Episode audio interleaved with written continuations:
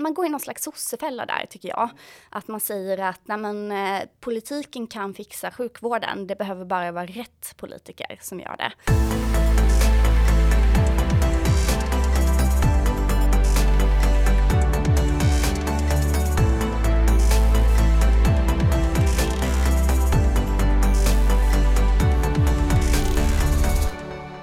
Kajsa Dovstad är liberal samhällsdebattör och legitimerad läkare som idag arbetar med välfärdsfrågor på Timbro. Varmt välkommen till Skattebetalarnas upps podd Uppskattad Kajsa. Tack så mycket.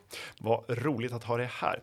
Eh, I förra veckan så skrev du en debattartikel på Svenska Dagbladet om läget i vården där du bland annat kritiserar de tidigare allianspartierna. Eh, de har ju återförenats i socialutskottet på grund av sjukvården och du skriver att de har köpt Socialdemokraternas verklighetsbeskrivning. Eh, vad är det för verklighetsbeskrivning de har köpt? Det är beskrivningen om att eh, vården är underfinansierad och att det saknas personal. Mm. Och det stämmer inte. Eh, kollar man eh, OECDs siffror och jämför Sverige med eh, andra västländer så har vi en väldigt välfinansierad eh, sjukvård. Eh, vi är det landet trea i EU som lägger mest pengar på eh, vården eh, i förhållande till BNP. Eh, lite beroende på eh, hur man räknar så har vi, eh, ligger vi i toppen eh, när det gäller läkare per capita och även sjuksköterskor som arbetar inom vården. Där är det bara Tyskland som har fler sjuksköterskor inom vården än Sverige. Och det här, den här bilden stämmer ju väldigt dåligt överens med mediebilden av vården där eh, det hela tiden framställs som att det saknas resurser och det saknas personal. Ja. ja, det är ett vanligt fenomen på väldigt många olika områden i samhället att liksom lösningen så fort det uppstår ett problem så är lösningen att ösa mer pengar och gärna skattepengar över. Eh, varför tror du att de tidigare landspartierna har köpt den här verklighetsbeskrivningen? Jag tror inte riktigt att man orkar med eh, den diskussionen. Eh, för det är som du säger att det intuitiva svaret, det är ju om någonting inte fungerar, det är att lägga mer pengar på det. Eh, men när det gäller vården så funkar det inte så. Det kan till och med i, i vissa fall av forskning visa att det var kontraproduktivt. Eh, man får mindre vård om man lägger mer pengar. Eh, och då har de borgerliga partierna vill väl inte ha det här, den här frågan som någon valfråga eh, eller som en fråga som är liksom eh, som man kan få tillbaka från Socialdemokraterna där Socialdemokraterna kan anklaga de borgerliga partierna för att spara ner och då bemöter man, eh, behandlar man det här fältet genom triangulering eh, mm. så att man eh, matchar Socialdemokraternas eh, bud.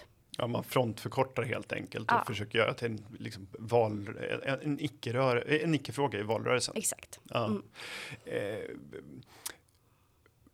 finns det någon probleminsikt i den här frågan bland politiker? Är det så att man bara säger det här eller är det så att man helt enkelt inte riktigt förstår vad vårdens riktiga problem är?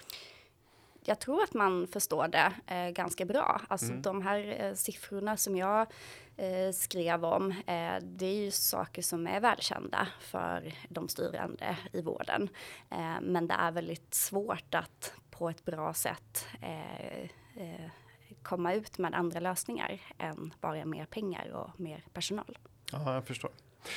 Det, det, ibland så får man en känsla av att det finns ett liksom nostalgiskt skimmer att sjukvården var oerhört mycket bättre förr. Var det så?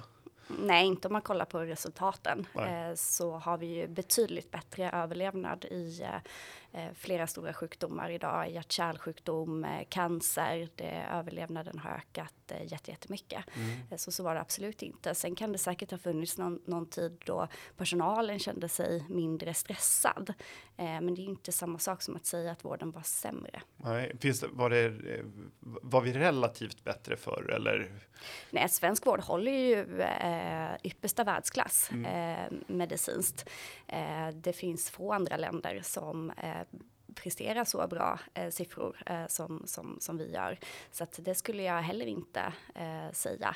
Sen eh, kanske det finns en del av eh, omvårdnaden eller medicinska insatser för äldre och multisjuka mm. som eh, kanske inte är så bra. Men det beror inte på att man gör för lite utan snarare tvärtom.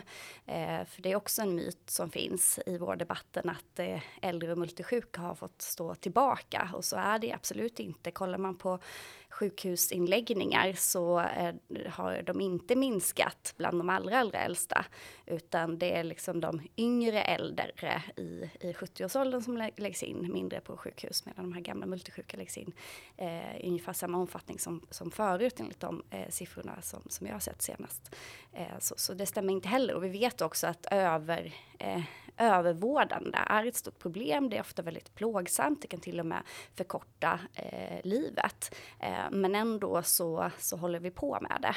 Eh, och det, det tycker jag liksom rent etiskt är oanständigt oavsett eh, om man eh, eh, se till liksom, eh, frågan också att det, det, tar ganska mycket skatteresurser. Mm. Så även om man tänker bort det så, så tycker jag att det, det, det, är fruktansvärt att man i svensk sjukvård, i liksom samhällsdebatten har det här fokuset på att även gamla och multisjuka ska komma in på stora akutsjukhus eh, med liksom fulla, fulla vårdinsatser. Det är bara inhumant rent ut sagt. Mm. Och vad, borde, vad skulle lösningen vara istället? Eh, nej men lösningen är istället eh, god och nära vård. Mm. Eh, och idag så finns det ju inga läkare på äldreboendena.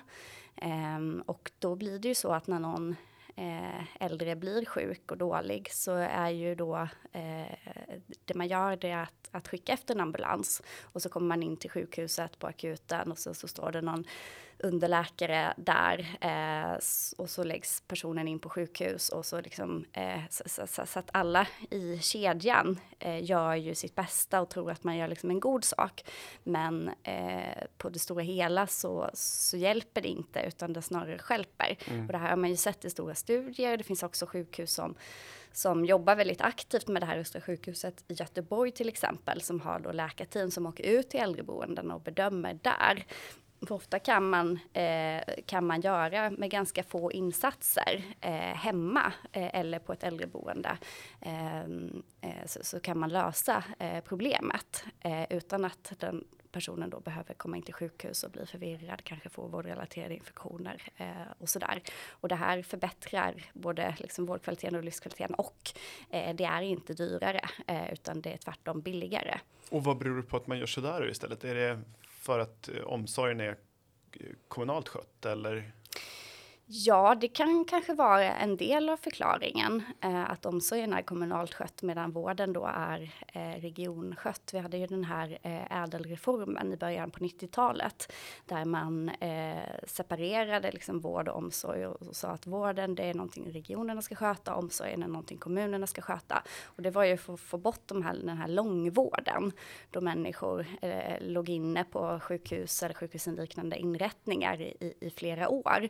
Eh, Eh, Um, och det är klart att det fokuset som var då, det var att människor skulle leva hemma och att man inte skulle liksom bo på sjukhus eh, de sista åren. Och det, är ju väldigt, det, det, var ju väldigt bra, en väldigt god tanke, men det är 30 år sedan. Och sjukvården, medicinen har förändrat ganska mycket sedan dess. Vi är betydligt bättre idag på att och, och hålla människor vid liv eh, och det är jättebra. Men eh, och då behövs kanske också mer medicinska insatser i hemmet, alltså nära de, de äldre.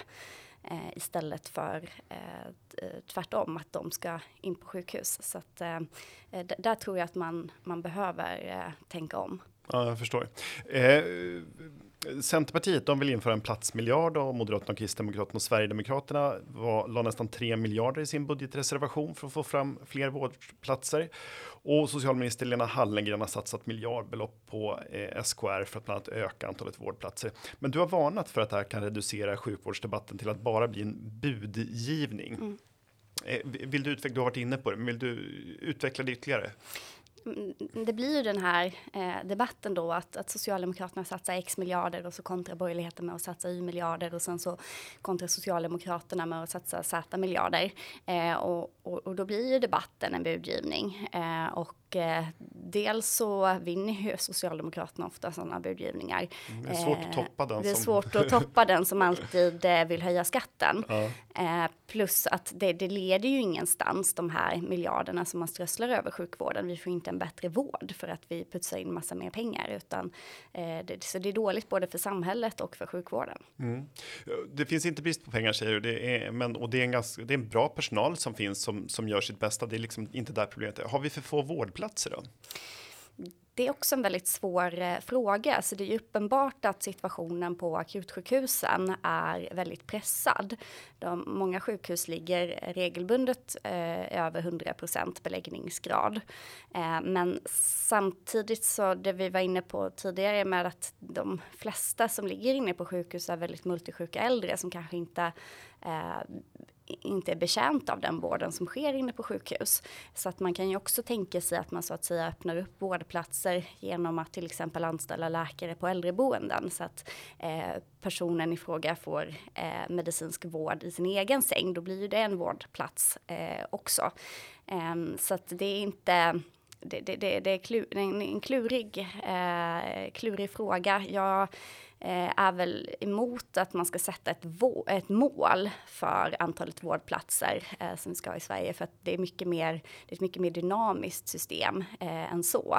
Och eh, många, man pekar ofta på att många andra länder har många fler vårdplatser men eh, då räknar man ju också in eh, mycket av, av eh, vård som, som vi i Sverige idag kanske har på äldreboenden eh, som liksom en vårdplats. Så det är liksom inte helt jämförbara siffror alla gånger. Ja, eh, så. Mm. Så vi, det, det, är inte alldeles oklart att vi har någon eh, platsbrist och vi har ingen pengabrist och, och vi har inte problem med, eller brist eller problem med personalen. Vad, vad är då problemen? För det är ändå så att sjukvården hamnar väldigt högt när väljarna får ranka viktigaste frågor. Vad är, vad är problemet då? Problemet är att vi är ineffektiva. Eh, vi har inte brist på utbildad, alltså högskoleutbildad personal i sjukvården. Eh, däremot så har vi en viss brist på stödjande personal, alltså eh, kringpersonal, undersköterskor, eh, sekreterare som faktiskt avlastar med den patientnära administrationen. Eh, vi har ganska få farmaceuter, apotekare i svensk sjukvård. Eh, så på det sättet så har vi en personalbrist och det här gör ju då att de eh, högskoleutbildade liksom vårdprofessionernas alltså läkare, sjuksköterskor, behöver göra väldigt mycket arbete och eh, saker som, som man kanske inte behöver göra alla gånger i, i andra länder. Eh, det, och sen så har vi också en, en svällande administration eh, och det här brukar vård vårdprofessionen ofta skylla på politikerna, men det är inte så enkelt. Det är, vårdprofessionerna eh, själva eh, hittar ofta på administrativa uppgifter att, att göra. Så att vi har kanske inte så mycket eh, personal närmast patienten, men i själva systemet så har vi absolut ingen personalbrist. Mm, och hur har de här problemen uppstått?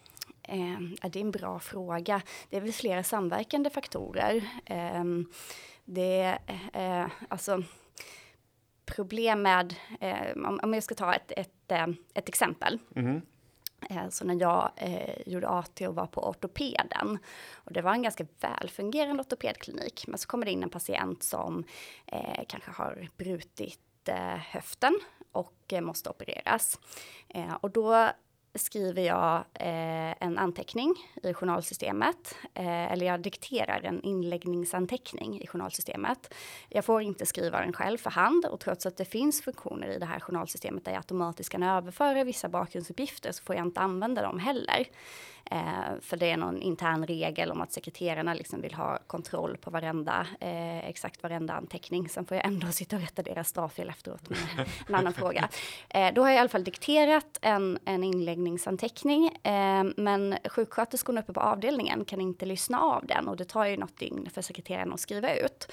Så då måste jag skriva en annan anteckning för hand som jag måste skriva för hand eh, som sjuksköterskorna kan läsa som är en upprepning av det jag redan har dikterat in.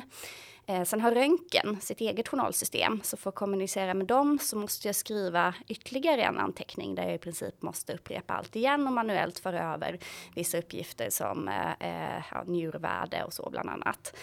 Eh, och operation har också sitt eget journalsystem. Eh, så att eh, för att operationsanmäla patienten så måste jag gå in i, i deras journalsystem och ytterligare fylla i några uppgifter. Och sen är det en ambitiös överläkare som har kommit på att den här kliniken då ska vara med i frakturregistret. Eh, och det är ju liksom jättebra med register och eh, att, att mäta resultat. Eh, men att fylla i frakturregistret, det landar på mig då. Eh, som liksom ytterligare en gång får mata in eh, uppgifter i ett system och sen är det en ST-läkare som eh, doktorerar eller gör sitt ST-projekt. En forskningsstudie som handlar om just höftfrakturer och vilka proteser man ska sätta in. Återigen jättebra med forskning, men det här ska in ytterligare en gång i ett annat register. Så totalt då så skriver, alltså, så för jag in Eh, fem olika anteckningar om samma sak. Eh, och det förstår ju vem som helst att det här är, eh, det är inte ett smart sätt att jobba. Och alla de här anteckningarna fyller ett gott syfte. Mm. Alltså det är såklart skönt för röntgenläkaren om de bara får den informationen som just de behöver serverad för sig. Men eh, till syvende och sist så landar det på att, att någon ska utföra det där också. Och det är oftast underläkaren på akuten och då tar det väldigt lång tid på akuten. Det låter ju helt absurt. Det känns ju som en scen från, från Röda rummet. Ja, precis. Eh, Frank Kafkas processen. ja, det är ett, ste ett, ett steg längre, ännu längre än Röda rummet. Eh, ja, nej, men det låter ju, det låter ju helt vansinnigt. Så den typen av överadministration Precis. drabbar ju inte, och, och, jag misstänker att det är inte därför man blir läkare för att sitta och liksom eh, föra in anteckningar i olika typer av system. Nej. Och det är inte heller det som patienterna vill ha. Nej, precis. Och eh, samma problem liksom finns i övriga delar av systemet. Där det, det finns många goda initiativ. Mm. Ehm, eh, patienter som läggs in på sjukhus idag, de ja, bedöms liksom av läkare på akuten och så gör sjuksköterskan sin bedömning eh, som delvis är samma som läkarens. Eh, och sen så Eh, gör eh, sjukgymnast, alltså fysioterapeut, också en bedömning. De träffar inte alltid patienterna, men, men, men kan göra det om de bedömda. Arbetsterapeuten gör sin bedömning. Eh, ibland så liksom kommer dietist, logopeder och gör sina bedömningar. Eh, och eh, ibland så kollar apotekare, gör en fullständig läkemedelsgenomgång eh, som de sen levererar till läkaren. Och man kan ju tycka att det är bra, eh, och det är det väl också, men vårdtiderna på svenska sjukhus är ganska korta och om en eh, medicin, eh, säg liksom en, en, vanlig skyddande magmedicin som patienten har haft i tio år, eh, om inte den indikationen är solklar, eh, så det spelar liksom ingen, ingen roll om patienten har den medicinen tre dagar längre. Det där är saker som man kan ta i primärvården. Och likadant så, så görs ofta eh, utskrivningsbedömningar av patienten, alltså man kartlägger patientens hemsituation. Och då kan det vara så att man inte kan skicka hem patienten för att eh, någon bedömer att att eh, patienten först måste ha en duschpall som eh, ska beställas eh, någonstans ifrån. Och det kan också vara väl, ibland kan det vara behövligt, alltså har man brutit höften så behöver man saker hemma innan man, man kommer hem för att liksom kunna vara hemma. Men eh, ofta så är det också så att, att de här bedömningarna görs på personer som liksom har bott i samma hus i 90 år mm. och då kanske de kanske behöver de här insatserna, men det kanske inte är jätteviktigt att de sker just precis nu. Eh, och då måste man tänka över, tror jag, att, att vad ska vi egentligen göra inne på sjukhusen? Ska man göra alla de här sakerna som är vällovliga, som kanske eh, har god eh, effekt? Vissa saker har det inte, som de här läkemedelsgenomgångarna på akuten av apotekare har man ju sett i studier att det, att det inte har eh, någon, någon effekt. Eh, eller ska vi göra det i eh, primärvården, alltså efteråt och låta liksom det akuta vårdtillfället vara just ett akut vårdtillfälle? För det som händer idag det är att man måste eh, skicka hem patienter och porta patienter från akuten som hade behövt den medicinska övervakningen. Um, så jag menar att vi måste ha liksom lite mindre av ett all inclusive tänk och lite mindre av ett tänk att det är sjukhusen som ska fånga upp exakt allting. Uh, utan mycket kan göras uh, i, i primärvården. Det låter ju delvis då hysteriskt byråkratiskt. Jag förstår ju att det är viktigt att vara noggrann för att jag menar, ett, ett misstag när man jobbar i många andra yrken kanske inte spelar så stor roll. Men, men i vården kan det ju vara en fråga om, om liv och död eller kanske liksom permanenta skador. Så, så jag förstår att det krävs en viss noggrannhet. Men du var lite inne på att det här inte, att det inte finns en, en att det inte är forsknings baserat som man gör vissa åtgärder eller har en viss ordning. Eh, finns, där, finns det där en brist? Alltså, tar man inte till sig forskning eller är det så att det finns för lite forskning på hur, hur man gör det? Vissa saker kan säkert vara att det finns för lite forskning. Eh, andra saker kan ju vara att man vet att eh, munhälsobedömningar, att, att det är liksom bra med en, en genomgång av, av munhälsan och att patienten kan få konkreta råd om hur man ska borsta tänderna och så där. Det stärker munhälsan. Men då är också frågan om måste det verkligen göras eh, när man ligger inne på ett akutsjukhus. Mm. Eh, de patienterna kan ju faktiskt, de kan kanske fångas upp på akutsjukhus eh, och sen så går det ett meddelande till någon som kommer hem till patienten och visar den hemma. Eh, och det, det, tror jag i många fall skulle ha mycket bättre effekt. Sen är det så att en del av forskningen är ehm, felfokuserad. Alltså om man tar forskning om patientsäkerhet till exempel, så är en stor anledning till att vi har stängda vårdplatser på grund av sjuksköterskebrist idag. Det är ju, vi har ju ingen brist på sjuksköterskor i vården. Alltså, eh, jag kollade på Socialstyrelsens siffror om sjuksköterskor som arbetar inom hälso och sjukvården eh, och det är nästan exakt samma per capita idag som för tio år sedan. Eh, men samtidigt har antalet vårdplatser på sjukhusen minskat med 25 procent och det kan inte bero på att antalet sjuksköterskor har minskat, för det har de ju inte. Visst, vården har blivit lite mer avancerad. Det kräver mer eh, personalinsatser, men inte i den skalan, eh, utan det som eh, som som eh Eh, eh, jag ser har hänt. Eh, det är att man har har liksom försökt höja patientsäkerheten genom att anställa säga att det behövs fler sjuksköterskor per vårdplats. Eh, och det här är ju någonting som Vårdförbundet, fackförbundet har fokuserat jättemycket på. Eh, och det, eh, men då, då har man räknat, alltså forskningen om patientsäkerhet, eller de, eh, de metoderna man använder, de fokuserar bara på de patienterna som ligger inne på sjukhus. Ta till exempel liggsår. Eh, det undviker man då genom att vända en patient eh, ganska, ganska mycket. Och eh, då för att få ner liggsåren på en avdelning så säger man att ja, men det behövs mer personal per plats. Eh, och det, det stämmer kanske för de patienterna som ligger inne på avdelningen eh, får mindre liggsår om det är mer patient, eh, personal per plats då som, som klarar av att hålla de här vändschemana. Ehm, men eh, det som blir effekten det är att man måste dra ner på platser för att kunna ha en högre personalkoncentration. Och den patienten då som inte läggs in, kommer in på sjukhuset för att det inte finns plats, den personen kanske får ett eh, mycket allvarligare, allvarligare liggsår hemma. Det. Men det räknas aldrig med i statistiken för att man ser bara de personerna man har på sjukhuset här och nu. Eh, och det där är ju ett jättemetodfel som jag är väldigt kritisk till att det har fått ehm, fått eh, liksom, vara var så länge. Mm. Eh, att man inte bedömer vissa saker på en populationsnivå utan man bedömer bara kvaliteten på sjukhusnivå.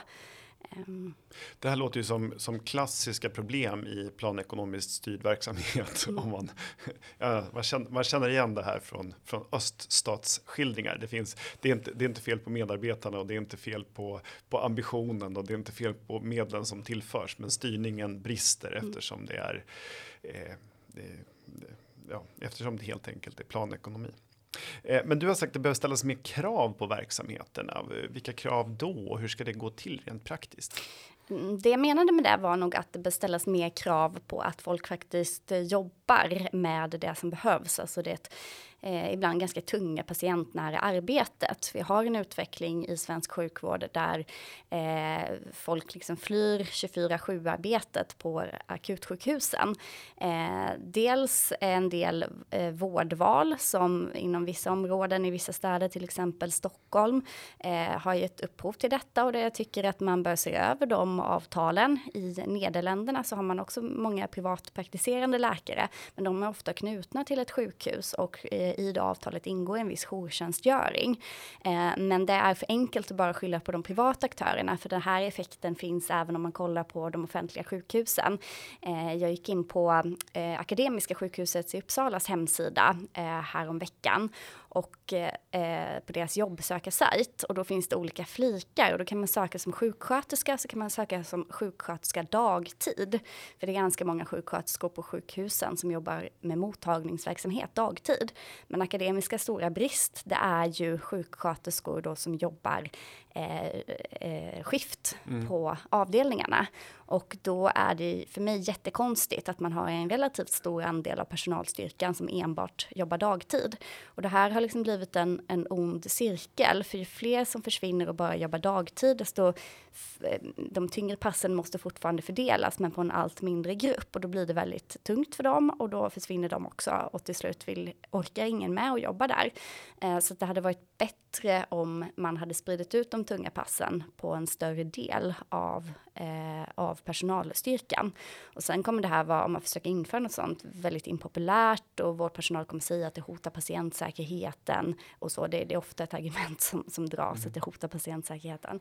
Eh, och, eh, men, men alltså i vårddebatten och alla andra debatter så utgår man ju ofta från eh, en liksom, idealbild som inte finns. Och verkligheten på svenska sjukhus idag det är ju att det är de eh, yngsta och mest oerfarna som jobbar i akutsjukvården.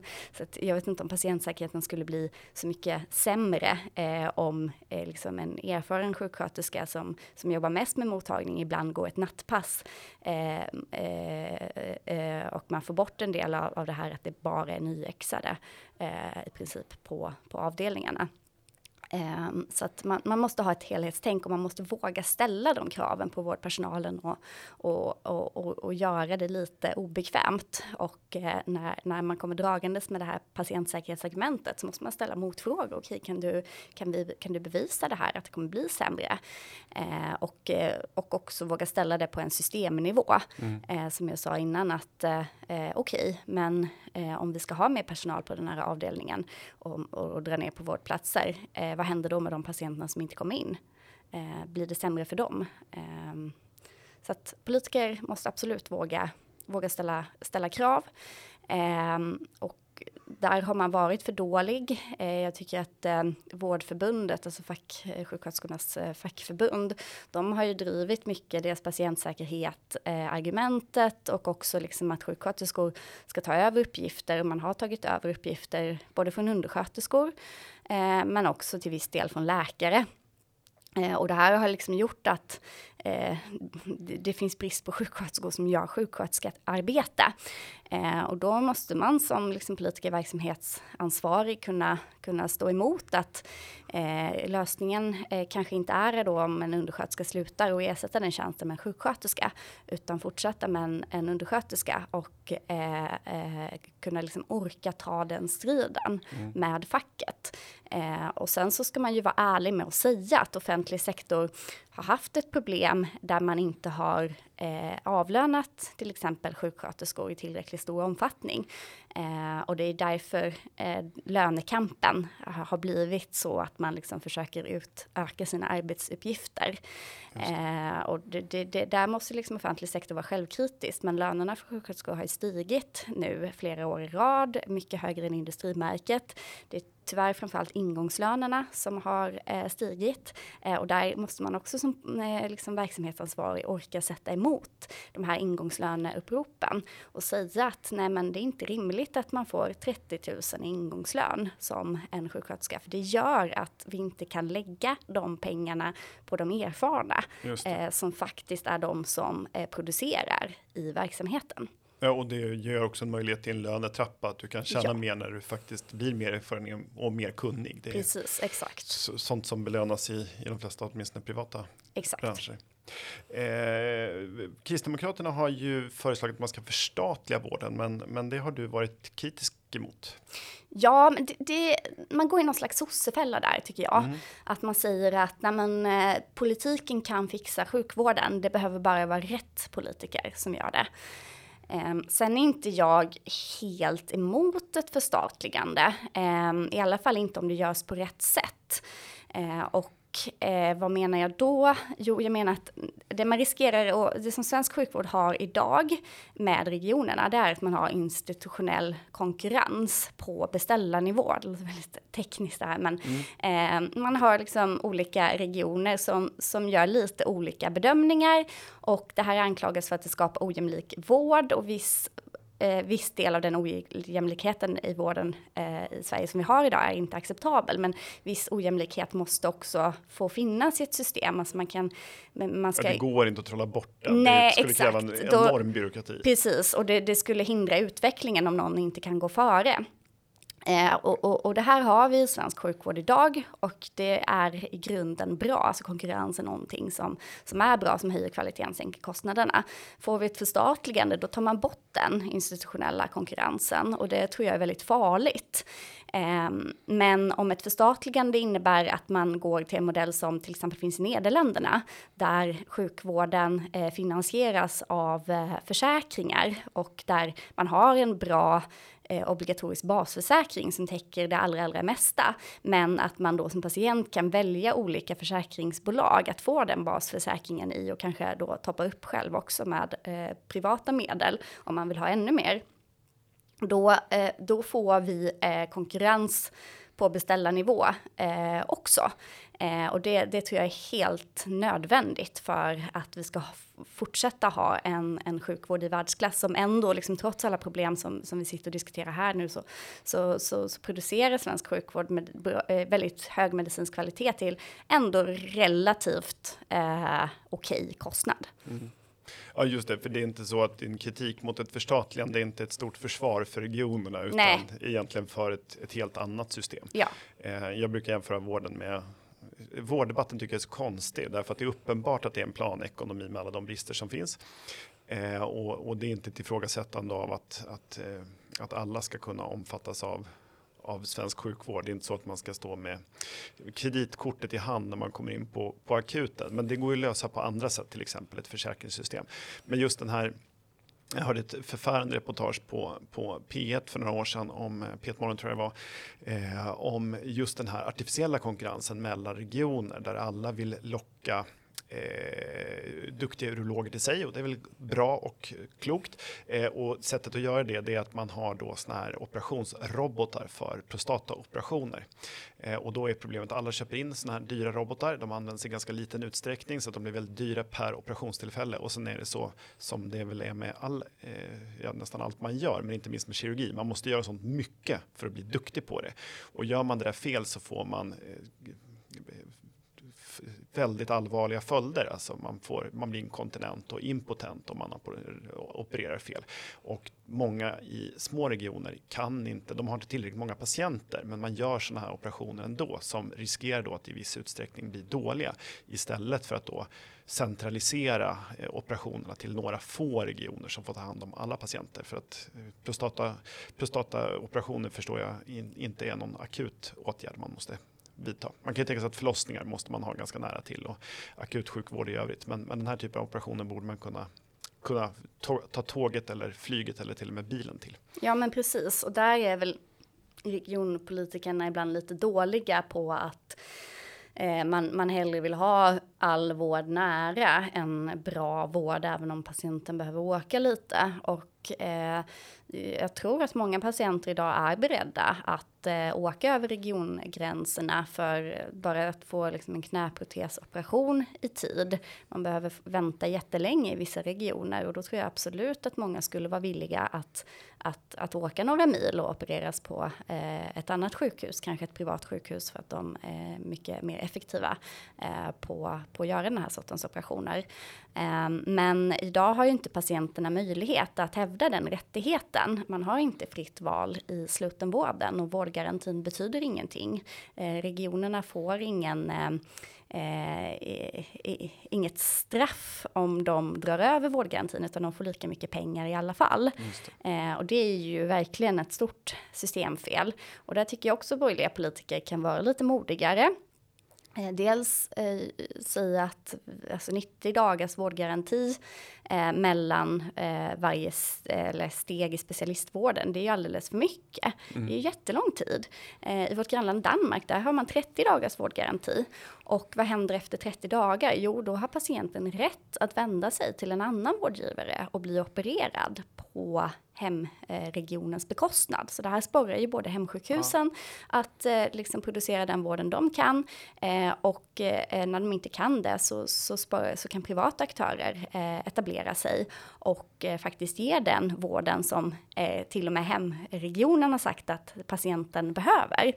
Eh, men eh, borgerliga politiker på riksnivå, de är mer inne på att man ska bygga någon liksom, statlig vårdförmedling och så. Det är ju liksom i sig inte fel, men man måste fokusera på patienten, på att ge patienten själv eh, rättigheter och verktyg. Och sen kan man absolut hjälpa dem som kanske inte har möjlighet att, att eh, söka sig någon annanstans. Det är väldigt system systemcentrerat Exakt. även bland borgerliga politiker, då, eller bland alla politiker så är man systemcentrerad istället för att vara eh, medborgare och patientfokuserad. För det kan ju vara ja, patienten är alltid medborgare, men det finns andra medborgare som är med och betalar skatten också. Exakt. Fokus är på systemen, inte på, på den enskilde helt enkelt. Nej, det, det, låter ju som ett, som ett enormt problem. Eh, finns det några stora skillnader mellan privat eh, och offentlig eh, aktörer i vården? De privata är eh, mycket mer effektiva. Eh, och det blir ofta så när man pratar om att svensk vård behöver bli mer effektiv, att man får tillbaka, men ska personalen liksom springa ännu fortare, de hinner ju inte Operera ens... snabbare Exakt. och kasta ut patienten på gatan Exakt. så snart de är klara. Exakt, ja. Ehm, men det är inte det effektiviseringen handlar om, utan det kan vara sådana enkla saker som att eh, en läkare inte behöver fylla i samma sak fem gånger, eh, som jag berättade om innan, mm. Eh, eller att man har digitala kallelser så att eh, sekreterarna inte behöver manuellt skriva ut kallelse och lägga i kuvert, eh, utan det går liksom digitalt och sen de får patienterna. Extremt high tech. Ja, exakt. Eh, och det, eh, eller att bara att ha professionell städpersonal som städar operationssalarna. I, idag på många håll så är det eh, fyra års utbildade universitets, eh, universitetsutbildade eh, operationssjuksköterskor som står liksom och städar operationssalarna mellan operationerna. Eh, det är helt barockt. Och det, är det såna... låter som en, som en sjukhusens form av vaskning. Mm. Ja, exakt. Och det är, det, det är sådana ganska lågt hängande frukter mm. som jag tror att vanligt folk liksom inte är medvetna om att man faktiskt kan göra. Och där är privata aktörer mycket mycket, mycket bättre än det offentliga. Eh, men vi kan också se att, att det offentliga tjänar på vad de privata aktörerna gör. Alltså man köper in eh, ja, men remisshanteringssystem och så som de privata aktörerna har utvecklat. Men man måste ha en konkurrens för att, att kunna driva fram nya lösningar, nya uppfinningar. Och sen finns det en kritik mot att de privata aktörerna liksom sysslar med cream skimming, de tar bara de lätta fallen, eh, de engagerar sig inte i, i liksom utbildning av läkare och sjuksköterskor Eh, den kritiken är ofta felaktig, ibland har den faktiskt vissa poänger, det ska mm. man vara ärlig med. Och eh, då måste politiker liksom våga ställa krav. Ja, det är inte, du, du förespråkar inte ett, ett vilda västern helt enkelt? Nej, nej, nej precis. Eh, man ska inte kunna få liksom skattepengar för att göra vad som helst, när som helst, hur nej. som helst. Eh, så. Eh, men eh, de, de flesta privata aktörer är ju seriösa, de är långsiktiga, de är helt med på om man ändrar förutsättningarna, så, så, är de liksom helt med på att ta ett helt helhetsansvar eh, för vården och då är det väldigt synd att vi har den här debatten om att, att, att de sabbar systemet när de i själva verket eh, hjälper systemet. Och eh, här, här är också det här felet med att man ser att man alltid argumenterar mot en, en idealbild som inte finns och som inte kan finnas.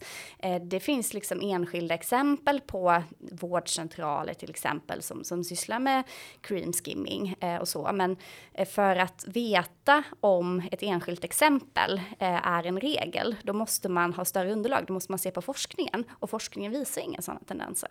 Och då måste man, och så, jag, jag tror inte heller att sånt aldrig förekommer, utan det är klart att det kan förekomma, men då måste man ju se till att det finns ett regelverk som som motarbetar sånt eller till och med omöjliggör i bästa fall. Eh, men jag menar varje exempel på en privat eh, verksamhet i offentlig eh, eller offentligt finansierad privat verksamhet där det fram, framkommer fel så tas det till intäkt för att förbjuda privat verksamhet. Men det är ju aldrig så att någon säger när det begås fel på en kommunal skola till exempel så är det ingen som säger nu måste vi förbjuda alla kommuner från att driva skolor.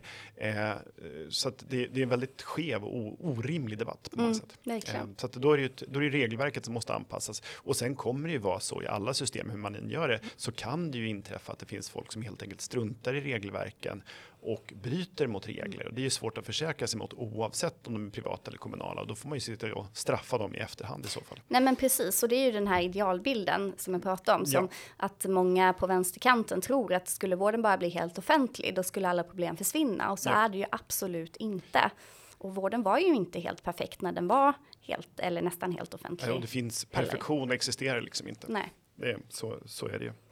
Eh, men jag hade för ett halvår sedan ungefär, jag tror att det var vårt första poddavsnitt faktiskt, intervjuade Klas Tikkanen som, som eh, är på på Nordic Capital och de eh, ägde ju länge då Capio Sankt Göran och fick eh, studerade Toyotas lean-modell, vilket han själv konstaterade låter konstigt i vården, men de fick fantastiska resultat och minskade kostnaderna, eh, kortade vårdtiderna, hade nöjdare personal som var bättre betald och allting pekade åt rätt riktning och ändå är debatten fokuserad på att sånt här inte ska få förekomma. Mm. Eh, vad beror det på? Står vi inför ett... Jag misstänker att den, debatten som nu är om skolan, om att man ska förbjuda privata alternativ, den kommer väl att smitta vården också misstänker jag. Ja, det har redan börjat. Eh, senast igår så läste jag en debattartikel i Läkartidningen av bland annat ordföranden för Svensk förening för allmänmedicin som i princip argumenterar eh, för eh, att man inte ska få eh, ta vinst och emot liksom, etableringsfrihet eh, mot eh, eh LOV-lagen. Eh, så att den debatten kommer absolut att komma. och, men det, det det är återigen, det är väldigt viktigt att, att man liksom ser till forskningen, vad mm. forskningen mm. säger. Eh, och också skiljer på svensk, alltså problem som är inom svensk skola och svensk sjukvård, för det är två väldigt olika system. Alltså i svensk skola, då har man inte haft en eh, extern kontroll eh, som har det har eh, eh, gjort att både liksom kommunala och friskolor har kunnat agera lite eh, som de vill. Men i sjukvården så är det inte alls så. Vi har eh, myndigheter där som är mycket tuffare. Eh, vi har också en, en profession som är mycket starkare. Vi har kvalitetsregister, så det är allt, eh, väldigt många parametrar som hela tiden eh, vägs och mäts och, och, och, och så. Och eh, ehm, eh det, det, man kan klaga på att det är för mycket som ska in i olika system. Mycket av det borde gå att automatisera, men i grunden är det bra att den eh, kontrollen finns, att man kan jämföra. Eh, och, och det, det, det, kan man inom svensk sjukvård, den liksom externa kontrollen fungerar. Ja, och det är ju viktigt när man använder våra gemensamma skattepengar, ja. oavsett om de läggs på offentligt driven verksamhet eller privat så måste det ju följas upp. Det är Precis. ju aldrig okej att det slösas med pengar oavsett vem som utför tjänsten. Nej, exakt. Eh, jag brukar beskriva eh, vården i Sverige eh, och medvetet då lite, lite raljant och överdrivet som att vi har, vi har en trabantfabrik och politikerna bråkar över liksom hur den här trabantfabriken ska organiseras. Det är ingen som säger att för de här pengarna skulle vi kunna köpa BMW och Audi och ja, det finns andra bilmärken också som våra lyssnare säkert känner till. Men, men alltså var, vad, vad, ska vara, vad är lösningen? Är det då ett försäkringsbaserat system så som man har i Nederländerna? Eh, nej men långsiktigt så eh, tycker jag absolut att Sverige bör gå dit. Eh, ser man internationellt så är det den typen av sjukvårdssystem som fungerar bäst. Eh, det är den typen av sjukvårdssystem som kan leverera eh, högst medicinsk kvalitet till lägst kostnad och som även eh, kan göra det eh, mest jämlikt. Vi har ju en föreställning idag i Sverige om att vi har världens mest jämlika vård bara för att vi har väldigt låga patientavgifter. Och så är det ju inte. Eh, i, kollar man på tillgänglighetssiffror så eh, upplever eh, patienter även i Nederländerna att de har större tillgänglighet till vård, även de då som eh, har en mer socioekonomiskt utsatt eh, bakgrund. Och även i, i, i Danmark så är tillgängligheten högre för de socioekonomiskt utsatta grupperna, trots att man där har eh, betydligt större inslag av, av eh, privat eh, betalning och, och konkurrens. Eh, och det är ju ett tankefel som många läkare och folk på vänsterkanten gör, att man tror att eh, bara för vi, eh, man ser inte vården som ett dynamiskt system, utan man tänker att en läkartid på Östermalm väldigt enkelt kan omvandlas till en läkartid i Tensta och att man på så vis kan eh, liksom helt utjämna hälsoklyftor. Och det är inte så det funkar, utan man måste ju liksom titta på vad är det forskningen säger, eh, internationella jämförelser, men även nationella jämförelser och eh, den forskning som har tittat på vad, vad hände efter eh, att man införde LOV, eh, efter att man införde vårdval i primärvården i Stockholm. Ja, men det är ingen som har fått sämre tillgänglighet för vår, eh, till vård. Alla grupper har fått ökad tillgänglighet till vård. Sen har tillgängligheten ökat eh, lite mer bland eh, höginkomsttagare, men eh, det är inte på bekostnad av någon annan. Då borde ju fokus vara att se till hur kan vi göra det här lika bra även för andra? Ja, exakt. Och det är ju, ska alla ha det lika dåligt? Mm. Eller eh, ska man acceptera att, eh, att eh, en, en viss ojämlikhet som, som kanske krävs för att få upp eh, eh lägstanivån? Eh, och, och jag förstår inte hur man eh, hur man liksom kan tro att ett rent planekonomiskt system fungerar. Det är ju motbevisat eh, kan man tycka eh, i historien många gånger om, men ändå så är det en myt som är så otroligt seglivad. Mm. Och vad krävs för att de borgerliga politikerna ska våga ta tag i den här frågan eller något annat parti eh, annars för den delen? Man måste vara lite modigare mm. eh, och stå upp för eh, sina principer. Eh, och också ha ett större fokus på liksom, patienten, på patienträttigheterna eh, och inte på eh, systemet och på vilka politiker som ska administrera vad. Eh, utan lägg fokuset på patienterna eh, och orka ta debatten mot Socialdemokraterna. Ibland alltså, måste man vägra att skjuta till eh, massa resurser till vården eh, när det krisar eh, och, och Ja. Det, det, låter ju som att det, det, det är alltid enkelt att presentera en lösning som låter slagkraftig, men att sätta patienten i centrum snarare än systemen är det som, som är vägen framåt och sen ha ett tydligare regelverk, eh, kanske ett försäkringsbaserat system då och sen att lita och lyssna på vad forskningen säger. Ja, men precis. Eh, och sen ska man ju vara ärlig med och liksom vården i och med att den är skattefinansierad till största delen kommer det alltid vara en viss ja. ingrediens av planekonomi.